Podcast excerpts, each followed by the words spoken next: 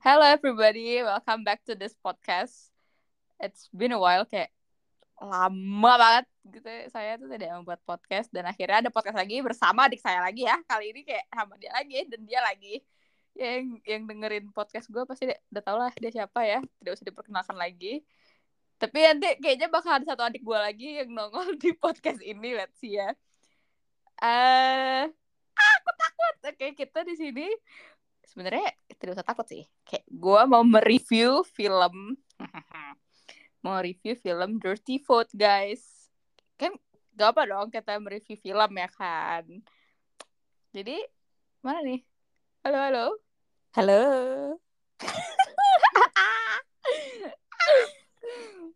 Sebelum nah. dengerin ini pada nonton dulu ya filmnya. Iya guys, filmnya ada di eh susah sih sebenarnya mencari di YouTube. Kalau misalnya kalian mencari di YouTube, itu suka tidak keluar uh, cari linknya aja di Twitter gitu cari iya, linknya. yeah, di, karena kayaknya di emang filmnya kayaknya unlisted gitu loh. Kayaknya emang harus dari link gitu aksesnya. Nggak tahu sih gue iya awalnya masih bisa. Pas gua pas awal-awal tuh masih bisa. Tapi sekarang sudah tidak bisa guys. Jadi kayak eh kalau kalian cari tuh yang pasti nggak keluar. Atau mungkin yang keluar tapi nggak dari akun aslinya gitu. Kayak dari uploader gitu. Jadi kalau misalnya mau cari yang aslinya cari aja di apa namanya di X di Twitter guys kita ini ya sinopsis sinopsis filmnya Iya dong, ini kita mereview film, say. Oke. Okay. Uh, gimana ya kita kalau sinopsisnya gue bingung. karena karena sinopsisnya tuh kayak menjelaskan the whole movie sih sebenarnya. Uh... Jadi intinya sebenarnya film ini tuh lebih ke rangkuman informasi-informasi ya, informasi-informasi pelanggaran, informasi uh, apa ya? Uh, kecurangan bisa dibilang. Iya. Yang sebenarnya kita nggak jatuhnya aduh. Gini, eh, sebenarnya uh, kalau misalnya kalian ngikutin perpolitikan Indo uh, beberapa bulan terakhir, sebenarnya ini berita eh maksudnya film ini tuh sebenarnya uh, berita-berita yang ada di film itu dan segala macam dokumentasi dan segala macam yang ada di film itu sebagian itu udah ada di media-media yeah. masa gitu loh sebenarnya dari dulu tapi for some people yang emang nggak ngikutin bahkan cuman kemakan potongan-potongan video TikTok doang ngerasa kalau ini tuh berlebihan atau atau menjatuhkan satu pihak. Padahal kalau misalnya emang dia benar-benar aktif di media sosial atau misalnya saya dia aktif mencari berita baca berita dah segala macamnya sebagiannya itu emang udah terpampang jelas mm -hmm. gitu loh. Lebih ke merangkum gitu dengan iya, data ya, dan analisis. makanya pas gue nonton pertama kali gue kayak gue tahu kok kayak setengahnya gue tahu gitu loh. Bahkan iya sumpah gue hampir semua tahu. tahu deh kecuali iya, yang rekaman rekaman suara itu gue gak pernah dengar sebelumnya. Selain itu gue oh ya selain itu selain itu dong. Maksudnya yang kayak berita berita awal tiba-tiba di ini apa tiba-tiba dipin eh, diturunkan uh, umurnya terus abis itu bansos dana hmm. bansos meningkat segala macam Guys, jadi sebenarnya ini bukan di media gitu. Iya, bukan mereka ngasih fitnah-fitnah, bukan ngasih kayak sesuatu yang apa ya kayak sesuatu yang gak jelas tanpa bukti gitu kayak semuanya itu data dan semuanya sebenarnya kita udah tahu cuman ini diperjelas aja dengan yeah, dianalisa yeah. lebih lanjut gitu iya yeah. uh, kalau misalnya mereview filmnya the whole movie it's a good good good good good good good, good movie yang Pem iya pembahasannya emang, bagus banget cuman kalian harus tonton cuman gue tadinya hmm. gue tadinya expectnya kayak bakal dokumenter kayak sexy killer gitu loh kan sama nah. tuh kan direkturnya. Uh, uh, tapi ternyata lebih kayak nonton presentasi lagi kuliah iya iya. Iya iya benar. Jadi gue agak jujur gue agak ngantuk tapi tapi gue akhirnya ya gue nonton apa habis juga gitu. Karena eh uh, jatuhnya bukan bukan film dokumenter sih. Jatuhnya kayak iya, iya. film presentasi gitu. Jadi uh -uh. untuk sebagian orang yang gampang bosan mungkin nonton film ini kayak ah, anjir gue bosan gue ngantuk gitu. Tapi sebenarnya itu tuh menjelaskan semuanya benar-benar menjelaskan dari awal sampai akhir eh, kenapa tiba-tiba bisa turun eh, umurnya kenapa tiba-tiba naik bansosnya segala macem lah itu tuh kayak dijelaskan secara rinci gitu loh oleh hmm. pakar-pakarnya ya guys, bukan cuma dia ya, pakar hukum. Itu itu siapa? Dia Nah, jelasin dulu dong ini. Siapa nih di balik film? Tentang film ini ya, yang ngebuat itu sutradaranya uh, adalah Dendi Dwi Laksono yang ngebuat uh, film Sexy Killer di tahun 2019. Kalau misalnya kalian emang yang 2019 ikutin juga atau misalnya kayak nyoblos, pasti kalian nonton atau mungkin tahu. Karena gue nonton, tapi gue emang 2019 tuh gak sempet nyoblos karena uh, kayak ribet banget anjir. Gue udah kan gue di Bandung kan 2019 itu kan. Gue udah minta tolong sama apa bapak kosan terus bapak kosannya udah bantuin ke kapling segala macam sampai ke mana-mana. Tapi menuju hari H tuh bener-bener tidak bisa. Dan kayak gue tuh mendapat gak dapetin surat untuk nyoblos. Dan akhirnya jatuhnya gue 2019 tuh nggak milih gitu kan. Sebenarnya golput bukan karena keinginan gue tapi karena ya jadi kayak apa ya kayak nggak kayak nggak bisa ya. gitu. Terpaksa keadaan. Iya karena keadaan gitu kan. So yang ngebuat ini tuh si orang yang ngebuat seksi killer itu gitu. Kalau misalnya kalian pengen nonton seksi dan killer dan banyak ada banyak film-film dia yang lain yang bagus-bagus juga. Oh ya ada sebenarnya. Nah terus di seksi killer itu yang menjadi apa sih namanya? Menjadi ini yang ngomong apa sih namanya anjir yang mempresentasikan apa? itu Kok di seksi killer bodoh? Tadi gue bilang apa? Seksi killer tuh Oh ya sorry sorry sorry. Seksi killer kan nggak kayak gitu ya. Gak maksudnya kayak yang, Dirty yang, Food pemainnya aja. Uh, uh, pemain yang pemain Dirty Food itu ada tiga dan itu tuh semuanya uh, dosen. Dosen. Terus mereka tuh ahli hukum gitu loh. Dan mereka emang mempelajari hukum. Jadi jangan kalian bilang kalau misalnya mereka tidak tahu apa-apa gitu. Itu akademisi ada... nih, Pus. Akademisi. Iya, makanya itu ada Zainal Arifin Muhtar, ada Ibu Bivintri Susanti, sama ada Bapak Ferry Amsari. Dan ya, jadi uh, aku jelasin dulu ya. Bivitri Susanti itu dosen STH Jentera sama dia juga Harvard Kennedy Fellow. Terus juga uh, Zainal Arifin Muhtar itu dosen UGM, direktur uh, Pukat UGM. Ferry Amsari itu dosen uh, Unan apa UNAND itu apa sih bacanya? UNA UNAT UNAT kan ya sih sama direktur pusakonya juga jadi ini orang-orang yang yang emang akademisi dan mereka they know what they're talking about lah guys gitu iya yeah. so ini ini gua ngerangkumnya dari tweetan salah satu uh, salah satu tweetan orang ya karena gue lupa urutan filmnya dari awal sampai akhir tapi itu yang gue inget sangat sangat inget di situ menjelaskan segala macam kecurangan di pemilu saat ini. Dan kalau misalnya ada yang uh, komentar tapi nggak nonton sampai nggak nonton sampai akhir, banyak banget yang kayak gitu kayak ah tipe tuh cuman mau jatuhin satu pihak doang. Tanya, lu nonton ini ya, ini juga anjing, dia manjing. Disclaimer sebelum nonton, please kayak buang semua prejudice, buang semua kayak persepsi kalian terhadap filmnya atau terhadap paslon-paslon atau terhadap Jokowi terhadap siapa pun. Nonton sebagai rakyat aja gitu sebagai manusia biasa yang lo kayak nggak tahu apa-apa pengen tahu nonton tanpa se tanpa uh, bukan sebagai pendukung paslon siapa pun dukungnya sebagai rakyat yang memilih aja gitu ya yeah, nonton nonton nonton aja gitu loh nonton dibuang lah kayak gue milih A I U E O tonton aja karena sebenarnya nonton dan mikir habis itu ya pakai logika iya, karena sebenarnya itu tuh menyindir dan menyenggol semua pihak tapi emang besar kecilnya mm -hmm. aja yang beda cuman so, ada porsinya yeah. porsinya ya tergantung pelanggaran yang masing-masing lakukan lah sebenarnya yeah. jadi ya kalau lo merasa lebih banyak disindir pas lo yeah. berarti memang dia yang lebih banyak pelanggaran makanya so kita membaca rangkuman singkat Dirty Vote full movie dari kenapa gitu ya di X atau di Twitter di X.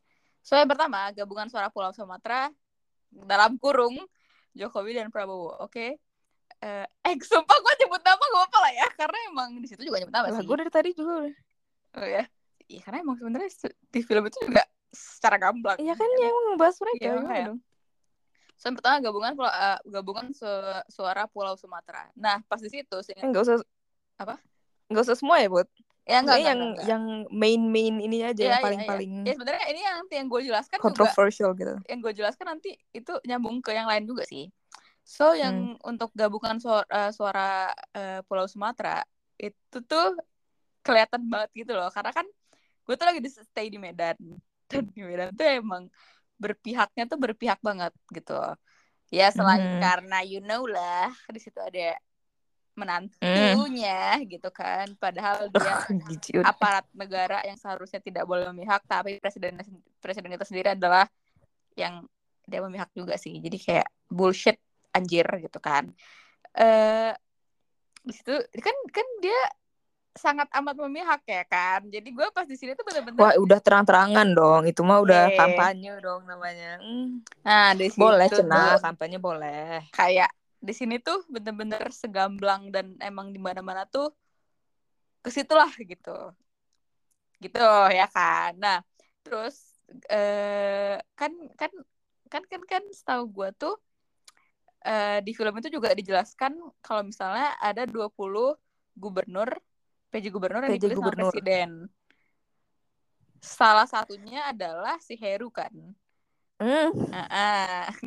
aduh Dan kayaknya si Bobby juga lah, kalau nggak salah gue. Iya, wali kota bupati juga. Iya, uh, ya kan, saya kayak ya berarti emang 82 PJ wali kota dan bupati. Kayak ini tuh sebenarnya sudah direncanakan jauh-jauh hari gitu loh. Karena kalau misalnya kita lihat-lihat, bro, dari awal dia sudah um, apa? Oh, udah dia susun lah satu dikit, iya, iya. gitu. Kayak nurunin ini terus naikin ini dengan sesuka hati dia kayak yeah. untuk melancarkan segala macamnya. Mm -hmm. untuk menjadikan dia sebagai apa ya pemimpin abadi gitu loh. Ngerti kan? Mm, biar dia dapat dukungan lah dari semua sisi Indonesia gitu. Iya di situ kayak gitu kan. Jadi eh, maksudnya gini loh dari situ aja Iya maksudnya udah jelas lah itu suspicious lah iya dari situ udah kelihatan kayak ah gitu. Eh di sini tuh gue nonton sebagai orang yang yang emang nonton aja gitu loh guys. Tapi emang di situ mm -hmm. dari awal mulai emang gimana ya kayak kelihatannya kejahatan dia atau misalnya pelanggaran dia paling banyak karena emang paling banyak gitu loh. Gimana? Gue bingung jelasinnya kayak kelihatannya nyudutin eh. satu orang tapi sebenarnya nggak nyudutin satu orang karena kelihatannya yang dibahas itu terus atau enggak orang-orang yang sama terus kan. Karena emang kejahatan dan pelanggaran karena emang gimana ya orang kalau emang banyak neng. Iya kalau ini maksudnya kalau lo yang paling banyak pelanggarannya otomatis lo yang bakal paling banyak diomongin. Iya itu. mau gimana lagi anjir? Makanya.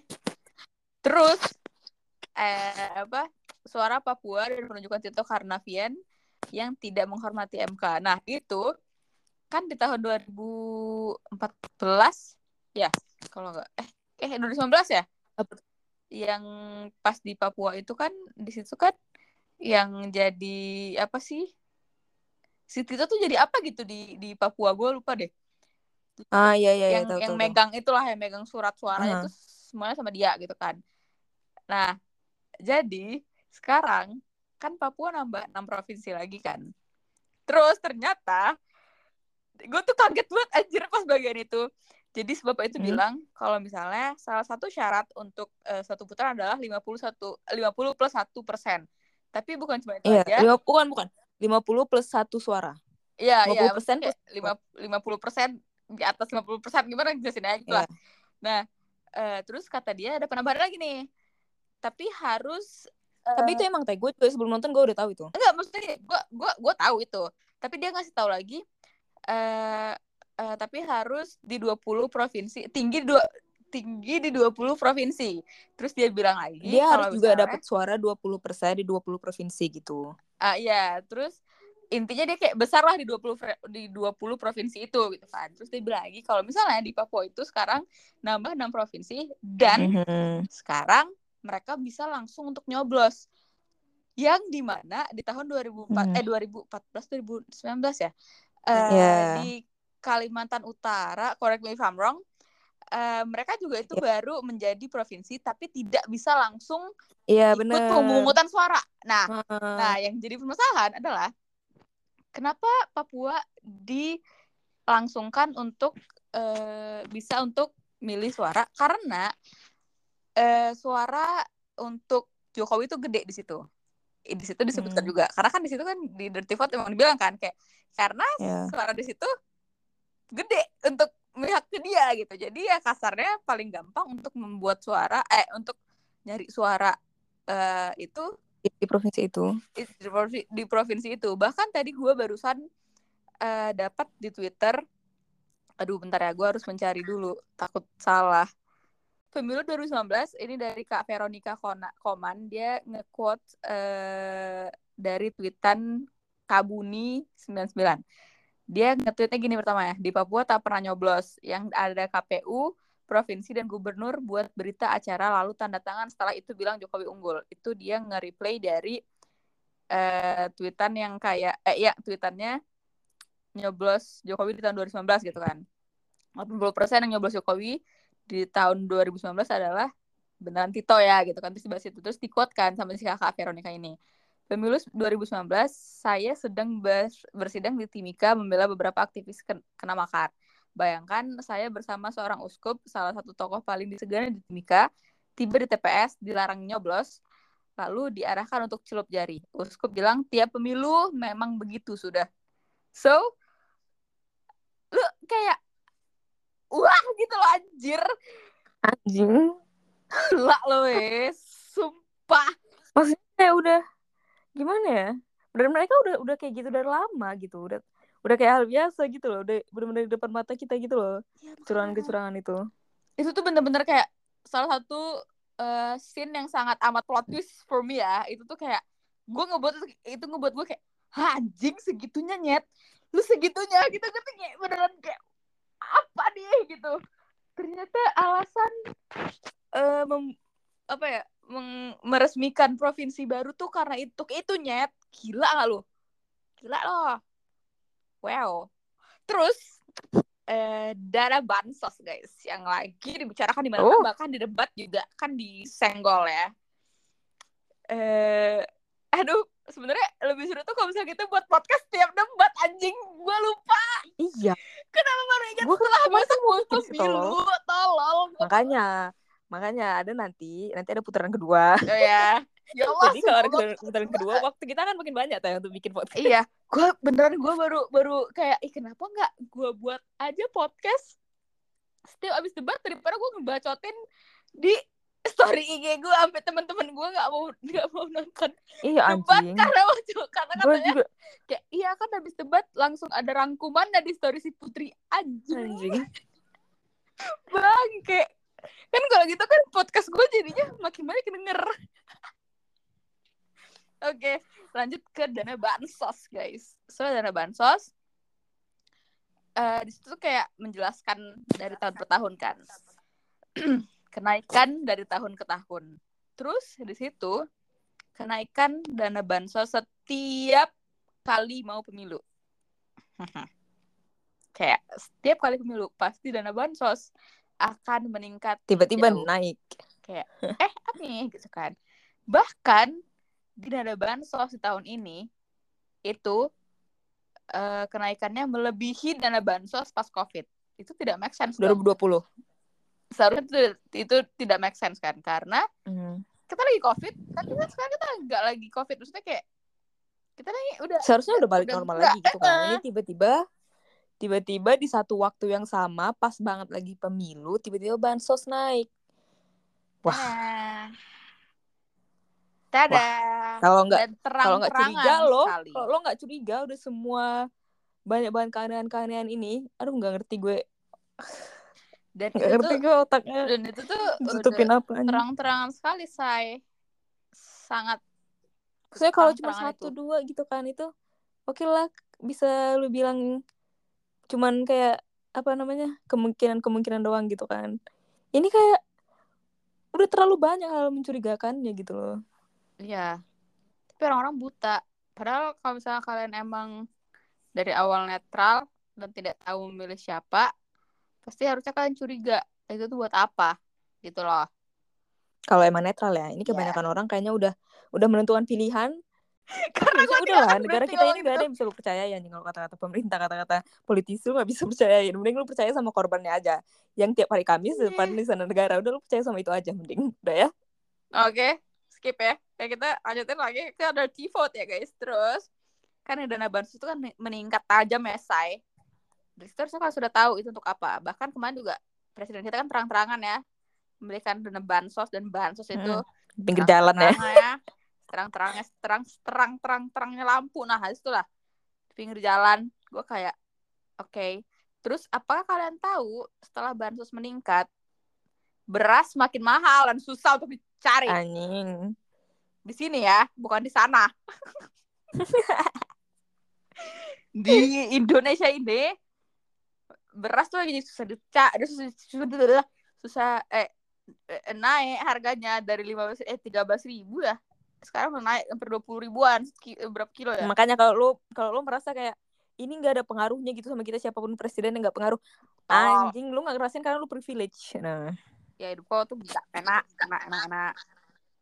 Terus uh, di situ uh, kita bahas yang mana lagi? Oh ini ketidaknetralan presiden dan UU yang mengatur Hah, presiden sudah tidak netral lagi guys Padahal awalnya dia yang bilang loh presiden tuh harus netral. Hmm. Uh, gua uh, astagfirullah. Iya dia bilang presiden tuh harus netral A I U E. Makin ke sini tiba-tiba kok. Terus makin ke sini kayak makin takut gitu ya. Rasa-rasanya kayaknya gak jadi satu putaran gitu. Uh, memihak presiden tuh boleh ikut eh apa berkampanye atau memihak itu kata dia. Terus gue kayak iya bapak. Terus dia bisa klarifikasi kan. Terus uh klarifikasi pakai pakai papan gitu. Ini iya. Oh, ngebaca UU anjing. Uh, uh, tapi dia tidak menjelaskan uh, maksud setiap pasal itu gitu loh. Uh, kelanjutan dia dia uh, uh. setengah itu pasalnya. Ada lanjutannya. Ini tuh kalau misalnya lu berpihak tuh ada gini-gini. Kalau misalnya lu berkampanye tuh tidak boleh menggunakan alat uh, apa fasilitas negara. Uh, fasilitas negara. Nah, dan harus tapi, cuti. Tapi tapi tapi tapi tapi dia aja ngomong di pangkalan militer. Sebelahnya tuh ada siapa? Itu kan fasilitas negara dong. Iya dong. Terus dia hmm. memakai Prabowo pergi kampanye naik helikopter. Ya kan itu kan? Kalau misalnya dia bukan helikopter dia sendiri iya, kalau misalnya dia tidak memakai eh, fasilitas negara ngapain dia pakai eh, mobil Mercy RI1 itu ke setiap kali ada bansos tapi naik tapi kayak sebenarnya itu menjadi apa ya uh, acara terselubung dia untuk ya you know lah gitu kan. Itu kan aduh itu sudah itu jelas gitu loh guys. Terus di situ ada lagi menteri-menteri juga. Aduh hmm, ya semua lah semua lah ah. terang-terangan kampanyenya beneran nah tiga-tiganya tuh kan kan sebenarnya kan uh, ASN ASN iya eh, apa uh, para politisi para politisi yang kabinet kabinet negara itu kan tidak boleh berkampanye kan. Uh, terus di situ nih ya setiap uh, paslon partainya itu ada yang melakukan kegiatan tersebut. Jadi mm -mm. tidak cuma dua atau tiga, bukan cuma dua doang atau cuma satu doang, enggak guys. Ini ketiga-tiganya itu dan kampanye katanya ya melakukannya. kampanye terselubung cina mm dan semuanya tiga tiganya itu ada. sebenarnya agak-agak terang-terangan sih kelihatan banget ya. Mm-hmm. cuman kampanye terselubung itu juga banyak. Uh, itu juga sebenarnya tidak boleh seharusnya. uh, itu kan dikasih tahu juga kan partai apa apa aja dan orang yang siapa aja gitu kan. Nah yang paling banyak emang di dua tapi satu ada juga guys. Makanya ditonton iya, jangan orang jangan tiga orang jangan kantuk bodoh. Kesel banget gua Jangan potongan-potongan TikTok yang kayak aku masukan aku tonton 30 detik itu. Kalau iya, kalau source of information lo cuma TikTok, aduh udahlah argumen lu nggak valid. Mohon maaf. Gak usah kau dengarkan podcast ini kalau misalnya kayak gitu anjir. Benci banget gue. Nah, itu tuh semuanya tuh melakukan hal tersebut, guys. Jadi tidak ada yang bersih 100%. So, choose wisely, tapi jangan 02. Wisely-nya satu atau tiga aja. Iya, boleh sebenarnya tiga juga. Aja, boleh terserah pilih siapa iya, aja. Sebenarnya tiga satu juga, boleh, kosong tiga boleh. Uh, sebenarnya kosong tiga tuh juga banyak kok guys kesalahannya di dirty vote hmm, ini. Banyak juga. Tapi apa mereka namanya, tidak menuntut atau tidak melayangkan uh, tuntutan ke pembuat Dirty Code ini. Hmm. Mereka bahkan bilang kayak bedanya itu ya. Mm Bedanya itu guys, yang satu kayak tim 02 ini baru dua jam setelah filmnya keluar udah bikin press conference. Keren, itu belum, dia menganalisis filmnya gimana caranya gue gak ngerti. Langsung. Kayaknya dia udah siap-siap gitu. Sebelum acara dia udah feeling gitu. Sebelum filmnya keluar dia udah feeling gitu. Kayaknya ini bakal tentang gue deh gitu. Kualifikasi. Itu makanya guys. Terus kan di situ juga uh... langsung dilaporin ke Bawaslu kan? Iya, langsung. Padahal guys tiga-tiganya tuh kena senggol, tapi emang besar kecilnya aja yang beda gitu loh. Dah. Mm -hmm. Nah, ya tergantung porsi pelanggaran sendiri-sendiri. Iya, tapi kalau misalkan ingin tetap memilih dua, semoga kalian bisa bertahan hidup ya. Amin ya Allah. Nah, hmm, karena nanti kalau dia kepilih, lu juga yang kasihan. Kita semua kasihan kalau dia yang kepilih. Iya, makanya. Masalahnya gitu. Bukan cuma kita aja, lu juga. Makanya. Nah, terus ya, kita masuk ke MK yang di mana ternyata sudah tersusun sangat rapi dan hmm, sudah pelan -pelan dibuat ketuanya. Uh -uh kayak skripnya tuh udah dibuat secara iya, secara kayak bagus. Film, kayak ini Jokowi yang bikin film. Nah, udah ada skripnya pun jago Mencatat lah. sejarah gitu. dia. Dia bisa menang Oscar guys gitu karena si MK ini judulnya adalah Mahkamah Konstitusi Nobel Prize yang diobrak-abrik. Nah, itu cocok banget ya membuat hmm. film gitu. Kayak pasti bakal menjadi menang Oscar dan segala macamnya gitu. So uh, roadmap uh, eh, MK ini guys satu eh satu yang pertama adalah uh, laporan MK. Laporan MK tuh uh, ini apa sih? Yang ngasih tahu batas usia itu kan. Terus uh, awalnya itu PSI meng apa namanya? Mel, meng melayangkan melayangkan. Bukan melayangkan sih kayak Iya melayangkan permohonan untuk ah permohonan permohonan untuk menurunkan batas usia dari 40 ke 35. 35. Nah itu ditolak tapi tuh. Iya. Alasannya sih eh awalnya itu Amar Rusman ketuanya nggak ikutan kan katanya hmm. uh, apa nggak mau ada apa namanya dia bilang? Nggak mau ada apa? Nggak mau ikut karena ada keluarga. kayak dia merasa itu kayak ada apa sih ini anjing. Apa? Konflik of interest gitu. Nah, ya karena karena kayak jadi bias gitu kan Nah, terus juga kata terus juga alasan dia karena sakit lah katanya. Jadi dia nggak ikutan. Nah, terus abis itu poin selanjutnya ber, uh, dinaikkan lagi tapi ada syaratnya gitu loh. Hmm. Berpengalaman tetap usia 40. Ya, yes, uh, terus berpengalaman sebagai penyelenggara negara dari Partai Golkar hmm. yang yang apa gubernur yang... atau gubernur lah, gubernur awalnya gubernur ya, doang. kayak ya yang memberikan permohonan dari Partai Golkar. Terus ada lagi nih tambahan dari beda orang. Aduh, gue lupa lagi siapa. Hmm. Uh, nah, tambahan adalah lima kepala daerah atau mereka sudah berpengalaman dan uh, pernah menjadi kayak ya intinya berpengalaman di lima kepala daerah gitu kan. Terus tambah lagi nih dari si Almas Almas ini nih nih nih inilah dia hmm. ya kan inilah dia pemegang Kayak anjing. Ini actor of the year. Karena itu selalu disebut guys di menit-menit terakhir dia tuh berkali-kali disebut di menit-menit terakhir. Uh, dia bilang kalau misalnya usia 40 dan berpengalaman sebagai penyelenggara negara si Almas tuh Almas, Almas tuh kayak menjelaskan lebih jelas lah gitu kan terus Almas ini bener-bener kayak yang yang paling jago gitu loh di situ gue yang buat dia dia berkali-kali loh nyeng disebut. Terus eh, tiba-tiba terjadi ada hari libur uh, nyuruh hari libur disuruh uh, kerja anjing. uh, kerja sama sama si paman ini kan. Keren kan guys? Terus kayak tiba-tiba tuh ada hari libur aja.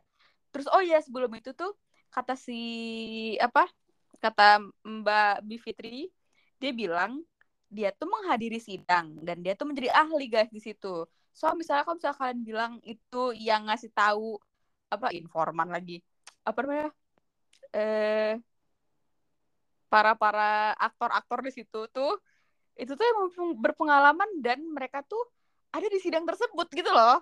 Mereka jadi saksi hmm. aja di situ. Mereka juga yang yang ikut andil di persidangan itu gitu. Di sidang pertama gue lupa di sidang berapa keberapa gitu kan. Nah terus eh prank MK karena tiga putusan ditolak. Oke tiga putusan yang awalnya itu ini loh yang eh, menceritakan tentang makan siang itu yang nah jadi itu gini awalnya apa eh, permohonannya itu kan ada tiga tuh. Yang di, uh, tiga-tiga ditolak. Mm -hmm. ya kan? Terus mm -hmm. abis itu istirahat makan siang. Nah terjadi lobbying lobbying ya kan?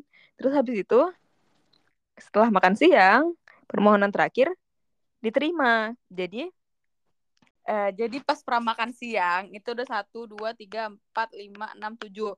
Tujuh orang yang di uh, apa yang yang menolak uh, itu kan. Menolak hmm. menolak putusan. Terus satu orang yang setuju terus satu orang lagi yang uh, yang apa sih namanya yang di tengah yang netral yang bahasanya hmm. di tengah itu kan. Terus pas pasca makan siang setelah makan siang itu jadi empat orang yang tidak setuju tiga orang yang eh ya yang setuju terus dua orang yang netral. Dan lucunya yang lima orang ini yang dipak yang di yang dipakai gitu loh guys. Ya yang ah tuh yang concurring kan. Uh-uh. dia malah di, digolongkan ke yang setuju gitu. Yang seharusnya kan kalau dari penilaian suara karena gini nih lebih banyak tuh yang jadi enam yang iya jadi yang concurring itu setujunya kalau uh, cuman gubernur doang gitu loh hmm. jadi 40 tahun dan uh, pernah jadi gubernur sedangkan kalau misalnya uh, yang setuju itu jadi gubernur wali kota dan lain-lain lah gitu kan udah pernah menjabat gitu kan Ya. Nah, gue kira mati anjir. Oh, gue gue nungguin lo ngomong lagi. Nah, jadinya kan seharusnya yang concurring itu lebih dekat ke yang menolak kan? Iya, seharusnya. Karena kalau setuju ya harus setuju 100% dong. Harusnya itu kan baru make gitu. sense. gitu. Seharusnya emang kan gitu kan. Makanya tiba-tiba pas pas makan siang yang setuju jadi tiga orang, yang yang menolak jadi eh, yang menolak empat orang, yang setuju jadi tiga orang, terus yang yang netral atau setuju dan tidak setuju ini yang tadi lo jelaskan itu hmm. itu dua orang tapi yang dipakai suaranya adalah yang lima orang ini dari tiga dari yang uh, setuju dan dua yang dari yang netral itu lah. Bukan netral juga sih sebenarnya. Apa ya? Yang ada kayak ada persyaratannya lah gitu. cerita ada syarat ada syaratnya gitu. Uh -uh. maksudnya nggak nggak fully setuju gitu. Uh -uh, iya. Nah jadi kayak bukan ya kayak fifty fifty lah gitu kan. Hmm. uh, tapi yang diambil tuh yang tadi gue bilang ini jadi lima orang ini yang yang disetujui untuk ya, itu. ya, ya. Yang seharusnya lebih masuk akal kan empat dan ta empat tambah dua dong. Seharusnya bukan tiga tambah dua. Hmm, seharusnya ditolak tapi malah. ditolak. Malah yang nah itu ya kan. Terus ternyata uh, kata salah satu yang di situ gue lupa bapak yang mana karena dua-duanya pakai kacamata juga lagi. Jadi dia bilang kalau misalnya dia tuh sudah mendengar bocoran-bocoran dari Bambang Pacul dan dari beberapa wartawan. Kalau misalnya ya emang bakal disetujuin 35 tahun. Jadi oh si ini si apa siapa namanya? Ya, kan lupa kan lu. Gue juga lupa namanya. Zainal Arifin. Si Zainal Arifin ya? Hmm. Iya, dia yang bilang. Berarti kan Oh, gitu. Terus katanya juga uh, pas lagi sidang itu salah satu dari hakim itu tuh ada yang masuk ke tempat persidangan. Aduh gue lupa deh itunya. Kayak ada yang masuk ke persidangan terus kayak tiba-tiba setelah dia masuk secara diam-diam atau atau di waktu yang tidak seharusnya gitulah maka tiba-tiba berubah anjir di sidang terakhir. Eh di keputusan di keputusan terakhir pas ketok palu. Gue kayak segitunya ya pengen naikin anak lu dan segitunya pengen berkuasa bertahun-tahun. Ya, jadi kayak maksudnya curiganya itu setelah makan siang uh, setelah makan siang tiba-tiba keputusannya Berubah, yang tadi uh. denger bel nggak? Iya. Dekat dulu ya. Jadi curiganya setelah makan siang itu kan keputusannya berubah yang tadinya tidak setuju, tiba-tiba ada nambah satu setuju. Nah, jadinya kemungkinan hmm. ya allegedly biar tidak dituntut allegedly saat makan siang mungkin terjadilah lobbying lobbying gitu hmm. yang akhirnya yang nggak setuju malah jadi setuju gitu kan yuk eh begitu guys sebenarnya uh, filmnya sudah endingnya begitu endingnya adalah ketok palu yang menjadikan meresmikan penurunan batas usia untuk capres dan cawapres. Bukan penurunan batas usia sih sebenarnya. Apa ya? Usianya tetap oh atau ya. pernah menjabat atau sedang menjabat sebagai gubernur atau wali kota atau bupati gitu. Jadi kayak tonton aja deh. Karena itu pasti, Ini udah berapa lama ya? Karena itu lebih jelas sih itu kayaknya udah hampir 45 menit deh. Iya, 40 Nah, ke itu deh. Gitu guys. Abis ini ini ya ke podcast gue ya.